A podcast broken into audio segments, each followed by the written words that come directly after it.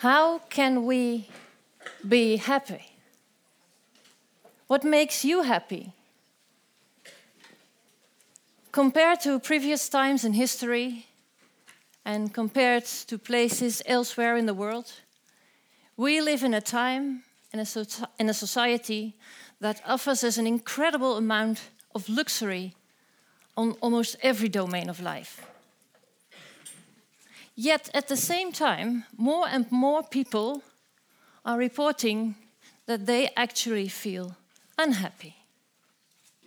How come? And does this maybe have to do with the question itself? Are we trying too hard to be happy? And what is happiness in the first place? Our speaker of tonight, and I'm delighted that he is here, can tell you all about this. Because he not only has written a book on happiness, but also a book on the art of being unhappy. I am referring, of course, to Professor Wilhelm Schmid. He is a well known German philosopher based at the University of Erfurt, and he will tell you all about the sense and nonsense of happiness in a minute. The program is pretty straightforward.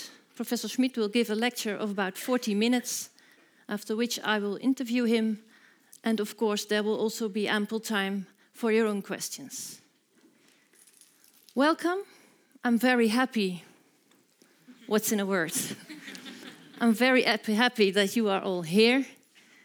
My name is Lisbeth Jansen. I work as a program writer for Rapport Reflects.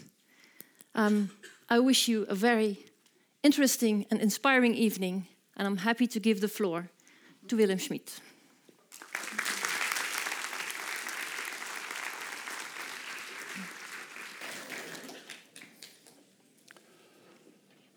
Good evening, dear students and colleagues, ladies and gentlemen.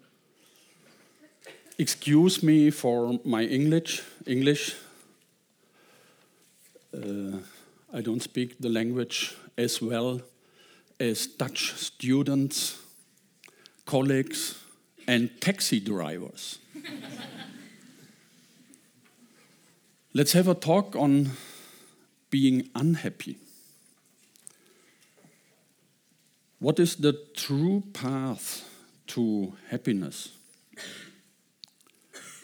The hysterical invocation of happiness today certainly is not. People make themselves unhappy when they think they must always be happy.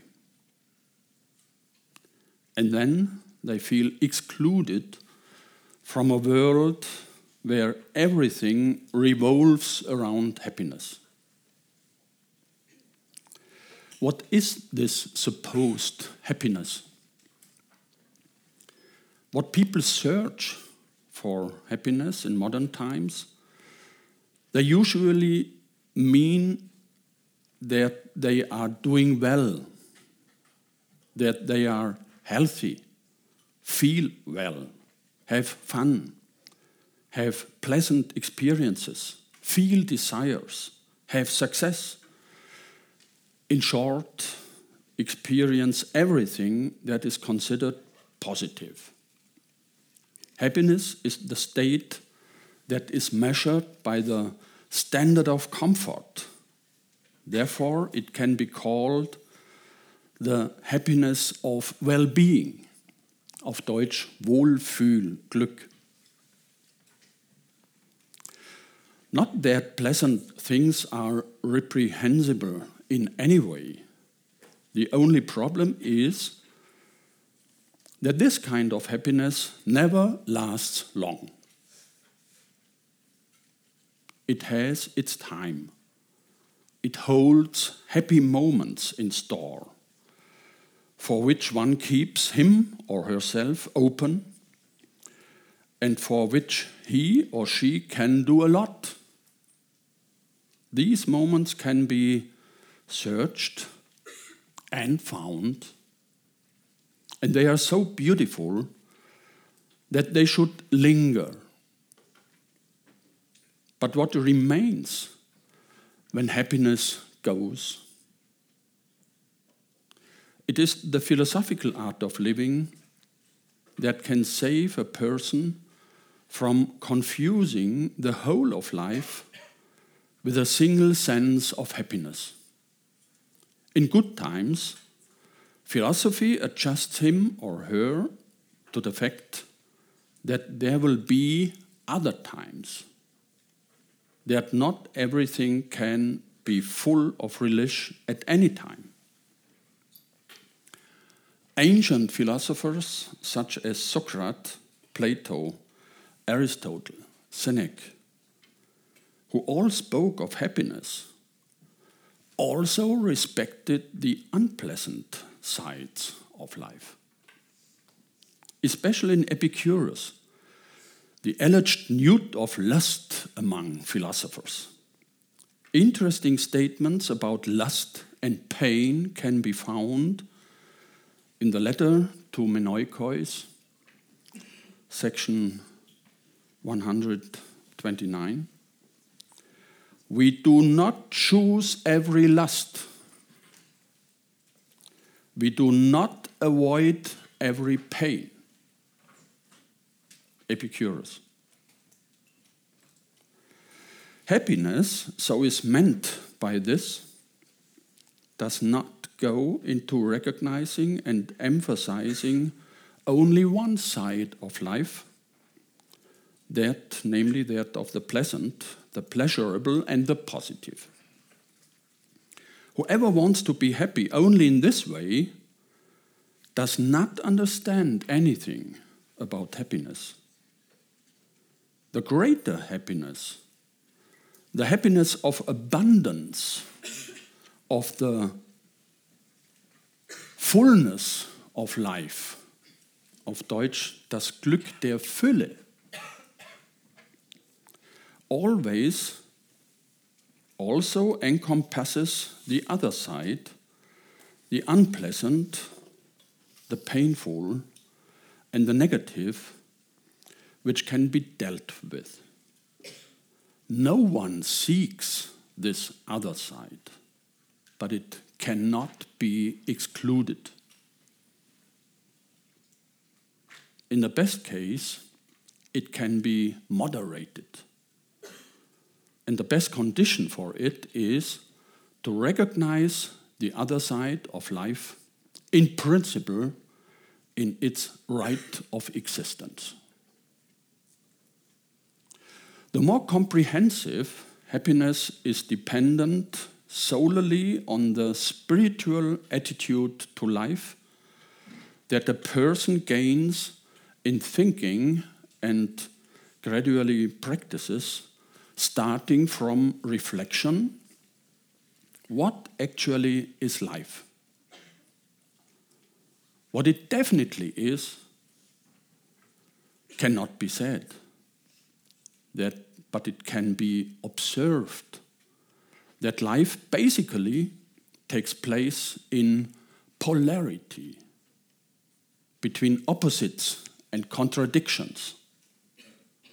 This is not the assertion of an objective truth, but the observation of a regularity that shows itself in the execution of life. The modern view of the world and the human being was based on the assumption that everything can be positive. But there are negative things that do not disappear, regardless of how many cosmetic operations are undertaken, medicines invented, or political measures taken. Life stubbornly demands its polarity. Because this is how the tension it needs is created. The crucial question is Is it possible for me to accept the polarity of life in principle? Can I agree with life as a whole? Does life, in all its contrariness, nevertheless seem beautiful and affirmable to me from the ground up? Then I can, then I can know myself embedded in a larger context in which one and the other side have their place. With a gratitude towards life and a joy that is not based on wanting to acknowledge only the positive sides of life. The fulfilled life is then, as it were, a breathing between the poles of the positive and the negative, with what is good to draw new breath, especially in a problematic time when life is becoming narrow, and to be prepared at the height of life for other times to come. The entire expanse of experiences between opposites only gives the impression of really living and fully feeling life. This is another kind of happiness. It, it is strengthened by everything that contributes to the fulfill, to the fullness of life.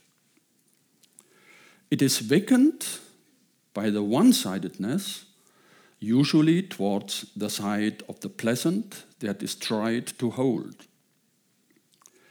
It is the philosophical happiness not dependent on favorable or unfavorable coincidences, on momentary fluctuations between well being and discomfort, but rather on the balance in life that must always be found anew. This balance can rarely be achieved synchronously at the moment far more diachronically throughout the time when the rashes of the scales balance each other out, so that the polarity of life comes into its own between success and failure, lust and pain, health and illness, happiness and sadness satisfaction and dissatisfaction. Especially the fixation on perpetual satisfaction is problematic. It is not bad to be satisfied at times. But the art is not to exaggerate it. Because the attempt to remain in a state of relaxation becomes a problem. This state has never led to changes and improvements. On the contrary, satisfaction and complacency paralyze all development. It is therefore problematic to steer people to the happiness of contentment and to turn it into an ideology, a contentonology. It is not man's destiny to always be satisfied. Otherwise, we would still be sitting satisfied on the trees. The history of the arts and sciences sufficiently shows what remarkable developments people are capable of. But many of those who have contributed to the, to the arts and sciences have not created their works out of satisfaction and therefore made their discoveries. What would have happened if discoverers such as Galileo and Einstein had not repeatedly fallen into deep contemplation. If researchers such as Madame Curie had not risked their lives,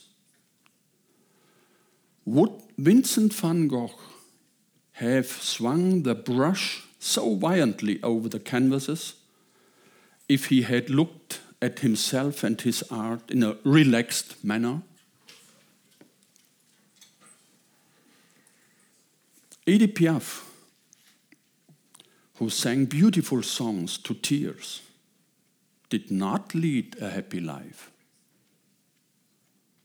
Astrid Lindgren, who is responsible for such cheerful figures as Pippi Longstocking, struggled with depression throughout her life. The other happiness of the fulfillment of life even includes unhappiness. This is the paradox of the happiness of abundance that happiness is possible in which unhappiness does not have to be excluded but can be included.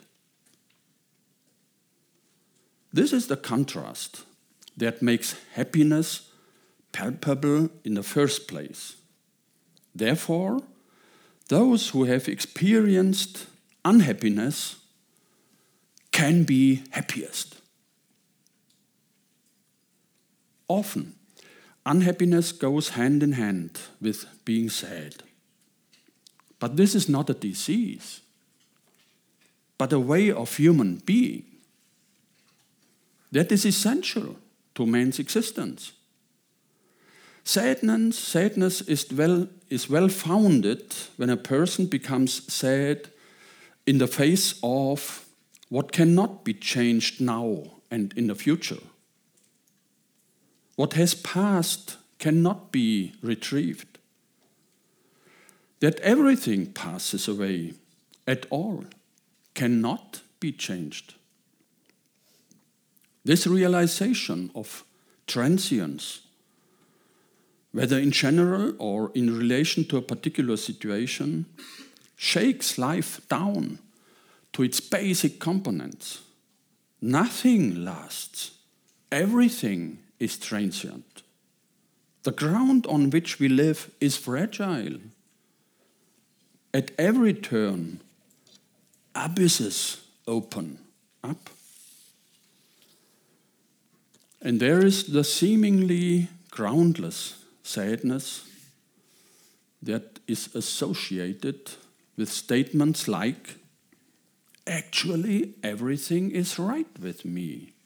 I don't know what's wrong with me. Perhaps this sadness is due to the fact that everything is right. Life, which only knows coherence, demands the opposite pole of disagreement. Even the joy of life can be exhaustive and requires a rest, as sadness makes it possible. Modern people prefer to seek happiness in the good mood. In a sad mood, they must soon free themselves from this annoying state of life. But what if the sadness no longer passes?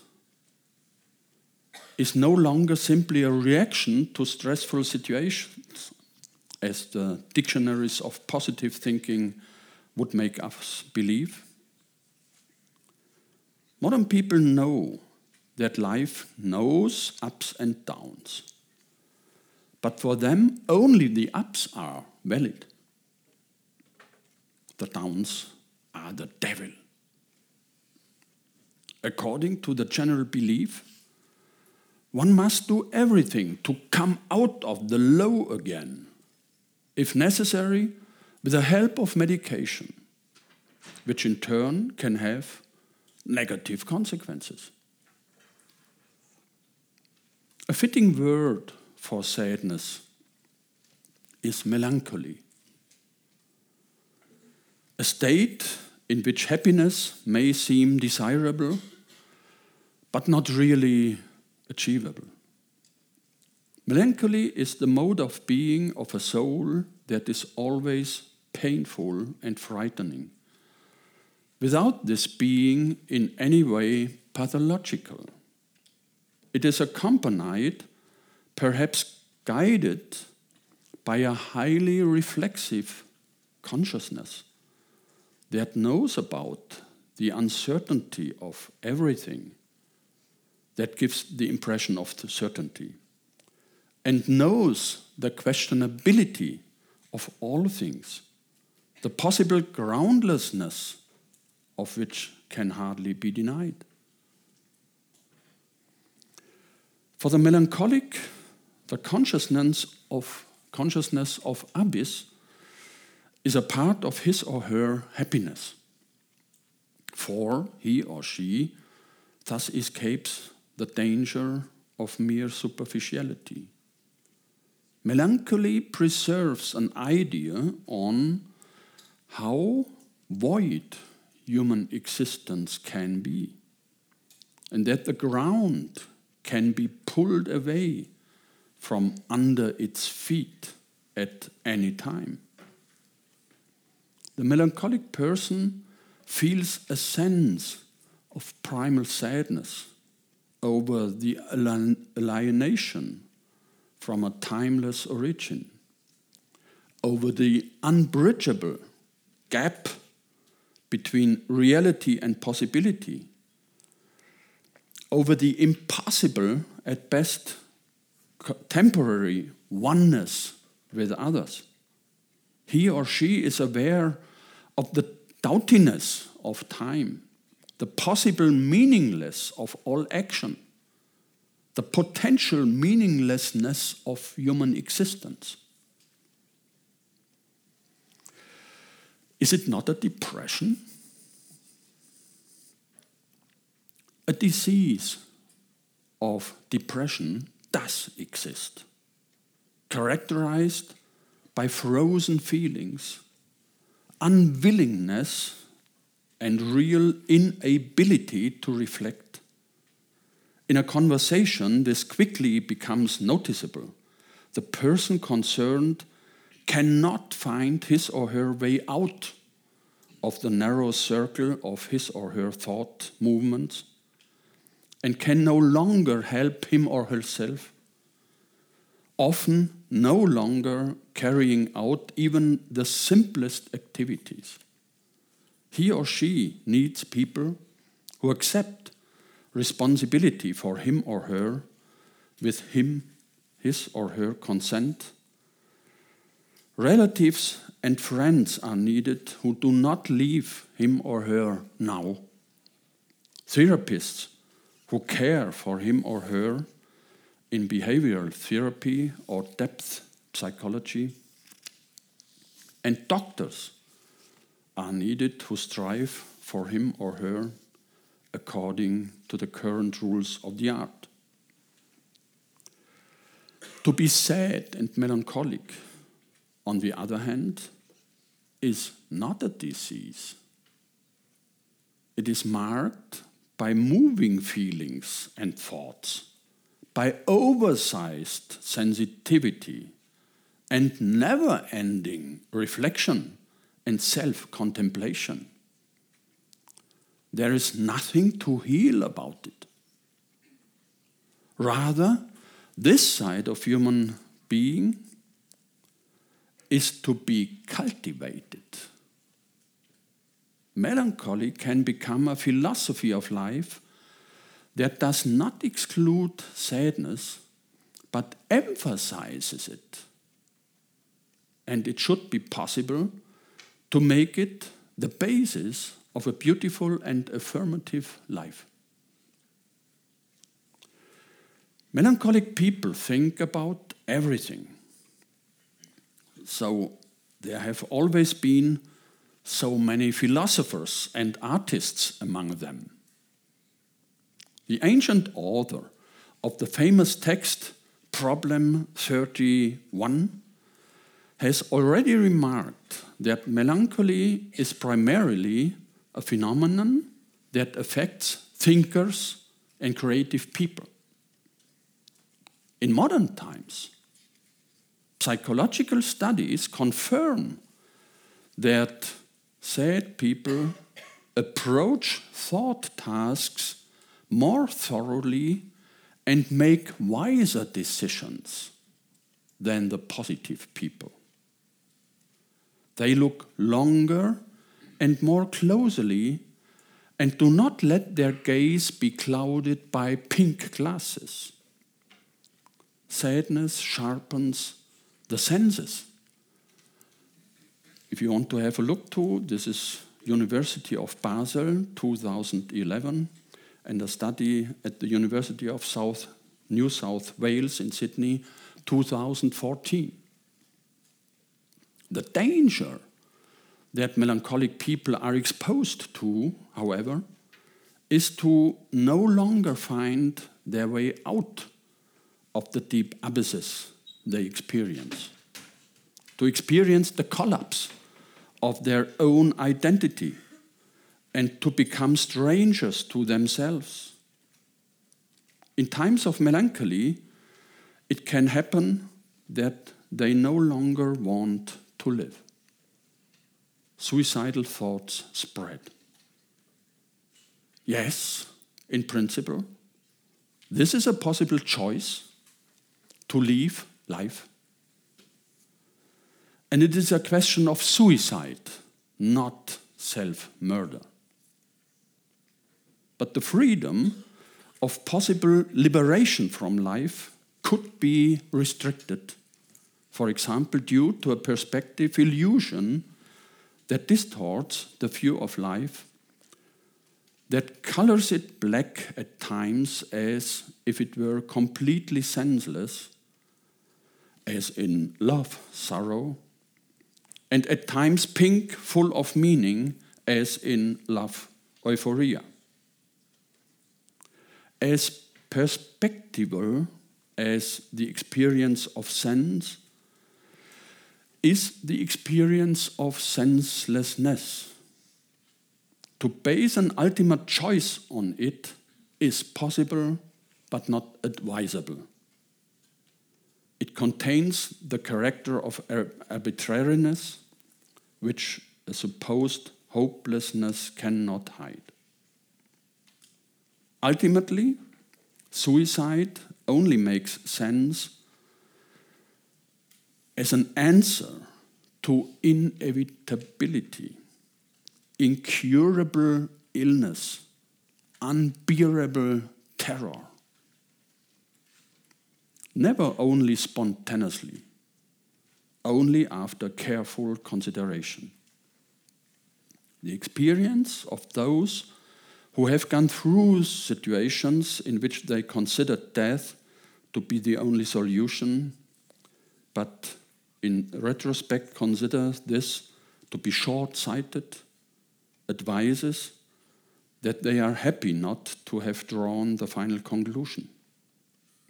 Respect for oneself, and to the same extent, respect for others who may find themselves in an awful situation as a result of the death of the self, whether psychologically or materially, appears to be a sensible criterion for the choice to be made.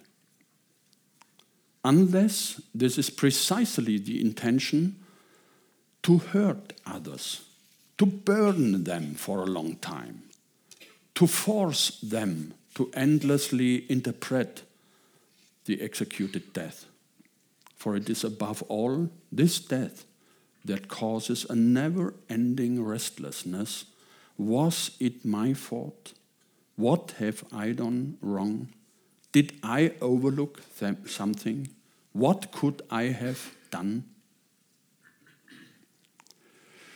It can be doubted with good arguments whether a free choice can be made in the extreme situation. But after all, man is the living being that can also refuse life. A compulsion to life, to live, an obligation to live, is not recognizable. Life is not a value in itself. Only in the confrontation with death does life gain meaning and value, so that it is precisely the question of death that decisively leads to life. Is this thinking dangerous? But all experience speaks for the fact that life is never only what it seems to be, that rather, still another perspective is possible, and no perspective can exhaust the abundance of possibilities. Happiness is knowing people at crucial moments who can help to reflect the current perspective, preferably family members and friends, but also professional helpers with whom such questions can be discussed. Talking helps, silence does not. There are remarkable gender differences.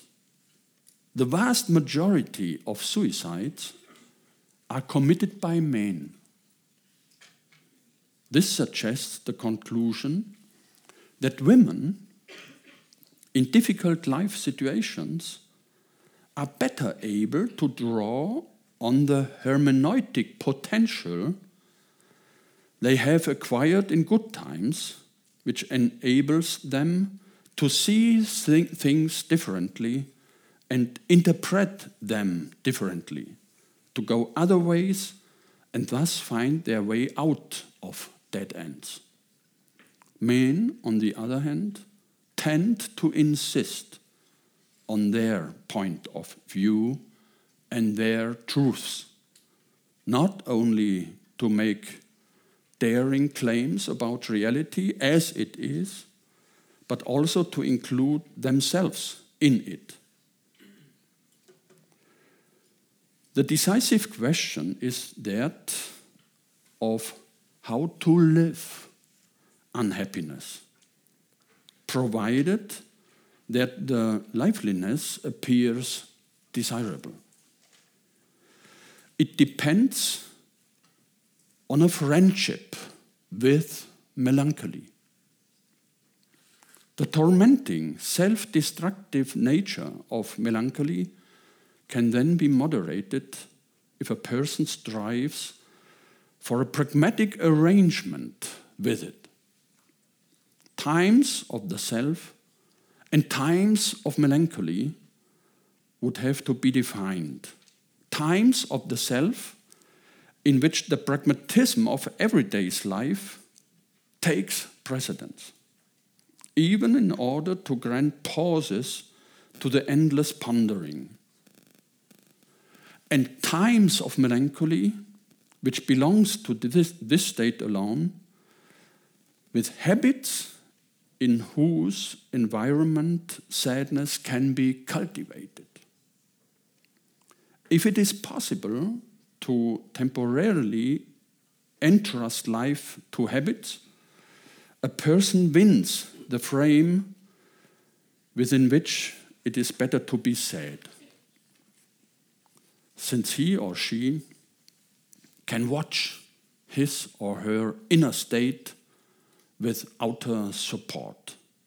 He or she can now leave him or herself completely to be sad in the certainty that he or she will not fall completely. Can one also be deliberately sad?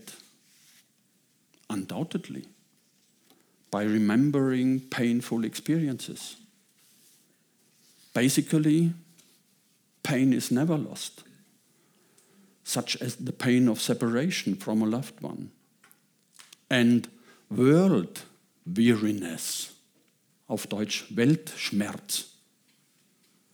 can be felt at any time, especially in November. Pain about the transience of life and all things. So, not really the world itself. But in order to moderate an excess of sadness, a person can do good for him or herself in everyday life wherever possible. During regular walks, he or she can indulge in his or her melancholic thoughts. When listening to music, melancholic feelings can be celebrated. The music contains countless pieces of artfully composed sadness. This is especially true for the music of Romanticism, which has deliberately taken care of this dark side of existence. But every kind of music and pop music makes this side audible much more often than radios want their audience to believe. Various arts are at the command of the melancholic feeling. It can find expression in dance and the preoccupation with works of painting and poetry shows how often it has already found expression in history. It makes sense to cultivate the art of eroticism, which, with sensual stimuli, ensures that melancholy is balanced out and does not lose the thread of life. Just when the sadness becomes the greatest, the erotic thought, the erotic feeling becomes the strongest. Also, in this way, the polarity of life is restored by strengthening the positive pole. And it is helpful to maintain a garden or even a balcony or a window, window sill where something is growing because the cyclic becoming and passing of nature represents a form of time in which a melancholic feels more at home than in the rapidly passing linear time without the return of modern culture. Unhappiness itself thus becomes a component of happiness and reinforces its sustainability. If under these circumstances something like serenity can be at stake, then, in a sense, purified by melancholy, in order to come to a cheerful serenity. Serenity comes from letting go, from letting go even of the abysmal and contradictory, from fear in contrast to the freedom from it, from anger in contrast to joy, from pain in contrast to pleasure, from death in contrast to life. Serenity makes it possible not to escape the fundamental tragedy of life and the world, but also not to sink into it.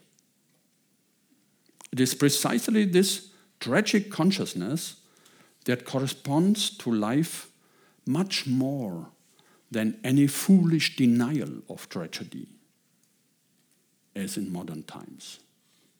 It is on this basis that a serene, cheerful attitude to life becomes possible. Serenity is a spiritual attitude that attaches as much importance to cheerfulness as to sadness. It enables a life with contrasts, a symmetrical life, as Democritus the founder of philosophical serenity called it in the 5th, 4th century BC. Serenity is the awareness that something else is possible in every day, in everything that is. That ups and downs alternate like day and night, like inhalation and exhalation. That this is the beat of life, which draw its tension from polarity in all things. The expression of symmetrical life can be harmony, but one that is full of tension, to the point of a happiness, of abundance that brings together incompatible opposites. It does not include, exclude the experience of contrasts, of despair, through which life must pass again and again. But it prevents the last despair, which no longer finds a hold in life. The importance that melancholy will gain in a time to come may, as in earlier times, lie in gaining a greater capacity for reflection and losing the dangerous self evidences in which people live without realizing it. The strength of melancholic people is their sensitivity, their sense for meaning and its absence. This is their gift to society. Sensitivity is the only human ability that still promises salvation. For this reason alone, the dark sides of happiness are not meaningless. Much earlier than the happy people, the unhappy ones notice a danger, an aberration, and injustice. The melancholic people feel compassion rather than the optimistics many of whom already perceive the sight of a problematic person as a hindrance to their positive view of the world. For this reason alone, it is unacceptable that with all these talking about happiness, the unfortunate are more and more marginalized. Rather, there are good reasons for encouraging unhappiness. Thanks a lot.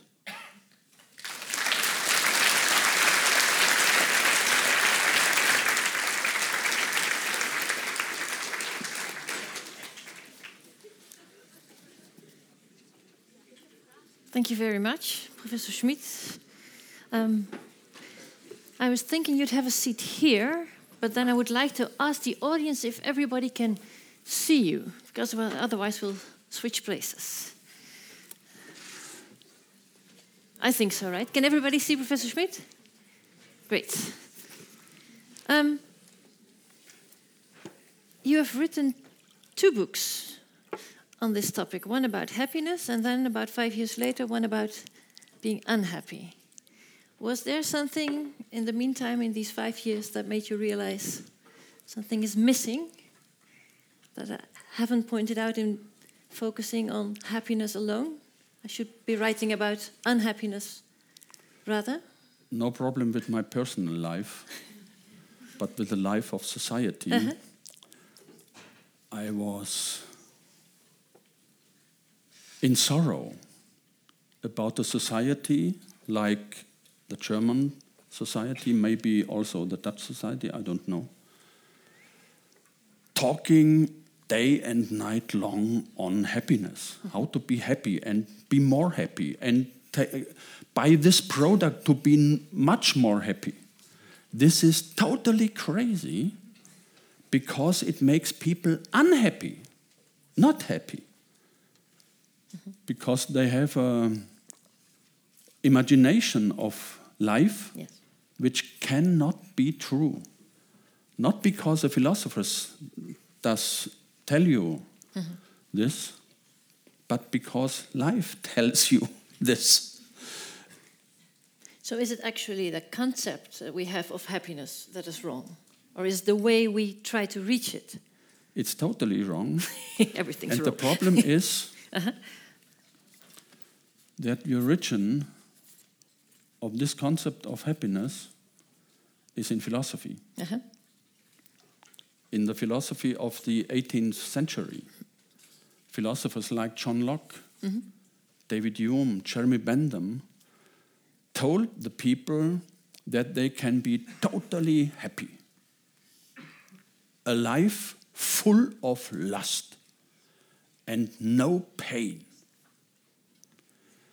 And people believed, as they usually do in uh, order of days, yes. philosophy, people believed too much to philosophers. But why did those philosophers themselves believe that it was possible to live without pain and sorrow?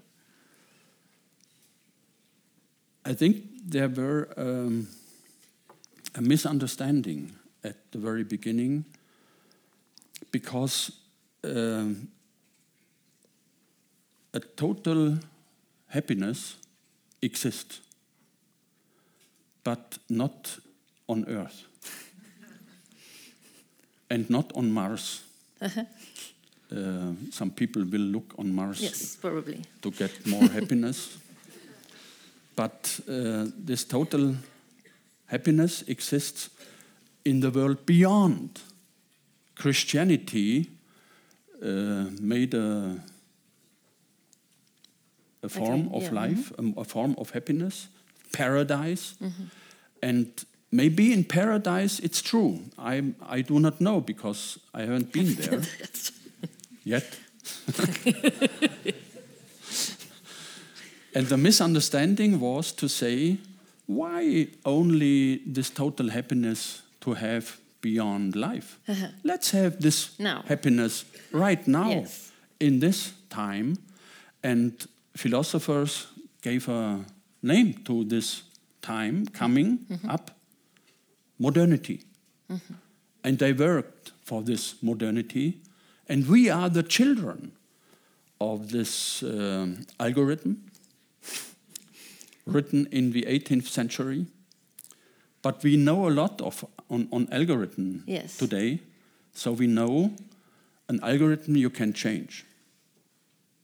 Let's change this algorithm. If it's not, uh, if it's not livable Yes. in, in the life. Yes, but that's an interesting idea. But I think it's very difficult to resist the pressure of a society of a time that says That's we right. should be happy all the time. So how how can we uh, make ourselves capable to resist that pressure? We need the philosophers again Uh-huh. to But resist, to resist, to change the algorithm Uh-huh.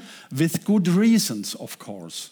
Not because a philosopher says it's wrong, Mm-hmm. uh, let's do otherwise, but because we are uh, reflexive. Mm-hmm. What is our life? What is the life I lead every day? Yes. Did I ever experience a life without any sorrow, not only for one day and one night, but for 10 years and 20 years and days and nights? There's no human being making such an experience in history and even today. You can try it, no problem. The most important thing in life is not believe not believing philosophers but experience life and be reflexive on life and to take consequences out of the experience and the reflection. And then changing the algorithm Yes. So you say we're not shouldn't strive for a happy life, but maybe more for a meaningful life. yeah there's a certain difference Yes, there is. yes, I should say so. i'm not saying that life is meaningful Okay. I'm waiting. Maybe, maybe not. Uh-huh. We have no chance to answer this question objectively. No. But we can look to life that it could be meaningful Yes. and depends on us if there is meaning in life, not only theoretically but practically. For example, if you have a good relation to another people mm-hmm. in love mm-hmm. or in friendship, mm-hmm. what is this life? Uh, mostly, I think this life is full of meaning because of this relationship. yes. And this meaning of life can, be, can last much longer than the happiness, the experience of happiness in life with a person you love or you are in friendship with him or her. Yes, and maybe the difference too is between um, wanting happiness as a goal in itself. So I should be happy if I get up today. My main uh, goal is to become happy or to be happy today, or to say I'm striving for a meaningful life, whatever that is for me, and I hope that happiness is the consequence of that. For example, you have children, I know, me too. But children are not making us happy every day No. in one year. Why don't you them throw away through the window? the answer is because they are meaningful for you. Yes. And if you have meaning in such a relationship, no question if you are happy or unhappy Ah, so you say then happiness doesn't matter at all. at all. It's not even. It's it- not bad. It's not bad to have some happy experiences. For, uh, for example, if you are in love, Yes. it's it's uh, it's part of the algorithm of love Mm-hmm. to be happy sometimes, Yes.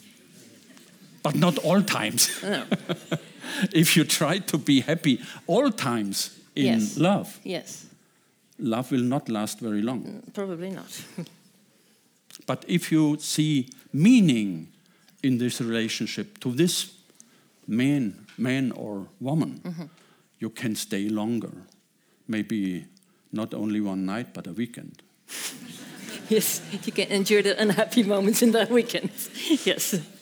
Um, in the beginning of your lecture, you said we don't choose all pleasure and we don't choose to avoid all pain.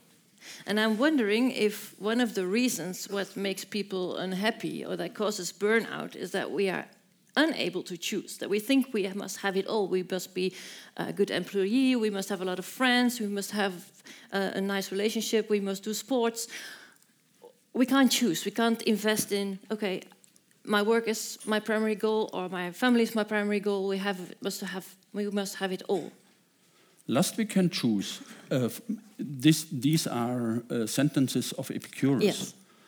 It's very important because a lot of people, even philosophers, think that Epicurus is the philosopher of lust. Uh-huh. He is not. Okay. Read Epicurus. this is a, is a citation. We do not choose every lust. With we, with, with we, he mm-hmm. means we, the Epicurists. Mm-hmm. We do not choose every lust. Yes, we can choose lust. Mm-hmm. If I'm uh, lustful with talking to a good friend, I can ask my friend, Do we want to have a good talk this evening? I will get the lust. If I'm lustful to drink good wine, I can get a good wine. Yes. So we can choose lust. And what Epicurus said is we do not choose every lust. Why not? Because if you choose every lust, you are no more lustful. Because there is no contrast. Yes. Lust needs contrast. But Is that you can problem? experience you, you can uh-huh. experience it uh-huh. Uh-huh. if you like to drink good wine. Yes. Drink Yes. not only one glass, drink a bottle. Mm-hmm. Drink two bottles. Mm-hmm. And where is the lust? Mm-hmm. You need two or three days of ascesis to get lust again. Yes, but yeah. The other side is um, what concerns pain. Epicurus did not say, say uh, we do choose or not choose pain. He said, we do not avoid Yes. every Yes. pain. Yes. Can we avoid pain? Yeah. Sometimes. Maybe there is an origin of pain, of course, but we have phar- pharmaceutical and can uh, end all pain with Yes. pharmaceuticals. But will be this a lustful life without any pain? What do we know about lust if there is no experience of pain? Lust is the best if there was a pain before. Yes. So it's about the dialectical, the both sides of the stories that we need. But my question was more is it not that we live in a times where um, it's very hard for us to choose at all because we think we must have it all. So we must be the best in sports, we must be the best lover, we must be the best um, worker, we must be. So, and there's no, nobody telling us this is meaningful and this is not. Um, so we keep try to keep everything We should, we should do our best, I, I think too. We should do our best. Best father, I want to be. Best student, I hope. best professor, I suppose. But best does not mean perfect. Uh-huh. This is the difference. Explain. Best is my personally best. I cannot do better, Yes.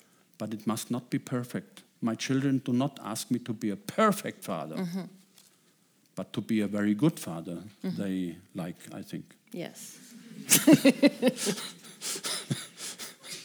and you don't think that's putting too much pressure on us? Being the best we can in all domains, it's not giving us too much It's not perfection. Uh, No. There is a misunderstanding today because a lot of people are against self optimization. But we need self optimization. Of course. The misunderstanding is self perfection. We do not need self perfection. It's, it's, mm-hmm. it's annoying yes. if we are perfect, but no problem, we do not reach it. Self perfection. Yes, it's even more annoying if other people are perfect. yes, okay. So it's more about being the best you can be and stop comparing yourself to others or to uh, some ideal other or self. it's not only because of me to do my best, mm-hmm. my very best, mm-hmm. but because I can do a lot of things for others mm-hmm. if I do my very best. Yes, So this is yes. not only egoism and narcissism, this is a point of view of the ego, that's right, mm-hmm. but only to achieve the point to be able mm-hmm. to do a lot of things for others. Yes. Al- altruism is not a, a moral question. Mm-hmm. Altruism is a question of energy I have. Can I be uh, altruist? Yes. Altruism means uh, my relationship to others, openness to others, helpful, being helpful for others. But this needs a lot of energy on Yes. my side. And to get the energy for this is doing the best for myself. taking care of yourself. too. Yes. Um, concerning that, I read in one of your books when we look back in a hundred years' time from now, um, we will probably think, how could we have been so preoccupied with our personal happiness in a time where we have financial crisis, where we have political crisis, where we have the climate crisis? Um, and these, of course, are all not individual problems, but more, well, relational or uh, societal problems. So, so when looking back in a hundred years, how could we have been so preoccupied with our personal well-being? This is what hurts me. It hurts me really that a lot of people are occupied with their happiness, uh, senseless because they will not reach their happiness, their, their total happiness they dream of. And at the same time, we are confronted with a lot of problems. Uh, not only the political problems and the problems of hurting humanity in different countries, But the real big problem of climate crisis, I'm sure that from year to year we will lose this question of happiness because from year to year increases the climate crisis. Mm-hmm. And then we have other things to do To worry about. than yes. to ask for our happiness. It will be a question of surviving. Mm-hmm. The Dutch people know very good what it means. Yes. But may it also be that because these problems are so big and we personally cannot change the climate crisis, that we sort of hide in those aspects of life that we can that we think we can have influence on. I always dreamt of, as a philosopher of art of living, that one individual can change a whole situation. Yes. And today, this individual has a name. It's Greta Thunberg. They had not the plan to change the discussion all around the world. They had also only the plan, uh, the plan uh, to demonstrate Yes. for their opinion. This is the very beginning. Mm-hmm. What one person, because of his or her conviction, do. And then it's exploded because it was the right behavior at the Right. right time. Yes. So one person can change a lot. Mm-hmm. Mm-hmm. The question is oh, every time for me, for you, for you, what do I, what do I in my personal life? You must not ask to change society at once. There are a lot of other people in society also asking themselves, what can I do Yes. with my personal life? And this, for me, is the art of living reflection of our life, not only what is meant with happiness mm-hmm. in my life, mm-hmm. but also what is the surrounding of my life. Because the climate change is my problem, mm-hmm. my personal problem. I I'm the producer of climate problems, maybe in my view, like this. And I can change climate problems, I can better climate problems, I think around like this. Mm-hmm. So, this is my part. Yes. And this should I do. And I hope, but only hope, I hope that other people also ask this part. question and handle. And actually, everything's, everything is changing. In my view, in the year 2030, in 10 years, mm-hmm. Everything is done. if Everything is not, done? everything is Okay. done. If not, we must not do anything more. it's over. Let it sink in. Ten more years. It's not only Yeah. my personal No, no, opinion. no, yeah. We have a lot Yes. of dates, Yes. we have a lot of informations, Yes. and they are very clear at that point. Yes. If we do nothing until 2030, it's over. Yes. So let's do now, and I'm very sure we will do a very lot in this 10 years. In 10 years, this world is another world. I hope so. I have one more question for you before I go to the audience. Um, let's go back to personal happiness. Uh, recent research points out that especially young people and students feel unhappy. So, I'm wondering, when you were a student, what were you like? Were you a happy student or an unhappy student?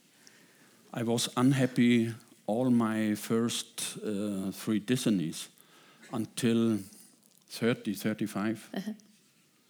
I was a very melancholic person. It was beginning from birth, I suppose. I did not know another life than a melancholic life. For this, this is a personal reason to write this book on unhappin- unhappiness. On I, I uh, had the plan uh, for some time to give it the title Melancholy. Uh-huh. Maybe this would be the better title. I was a very melancholic young man until I met a woman. I'm with her until today. Mm-hmm. And after 10 years, I reflected that I lost my melancholy. Mm-hmm. I was surprised mm-hmm. because I was not aware of the fact that it went away. Uh-huh. Maybe there's a solution for you. Yes, that would be my, my next question. If you would, if, if there are students who say, "I recognize this position, I recognize this melancholy," what would you advise them, apart from finding a girl or a man? You must not lose melancholy. It's not important. Maybe it happens, but it is not important. Mm-hmm. Mm-hmm. The big point for melancholy is if you're a melancholic person, you will be creative and productive. Also, in my uh, personal life, I worked a lot and I hope very creative. I wrote books very early, beginning writing books with 10 years around. And what would I have done without been melancholy? satisfied and happy. Yes. No written mm. book. Oh, but this would not be my life. Yes. We are closing here. I would like to ask you for a warm applause for Professor Wilhelm Schmid.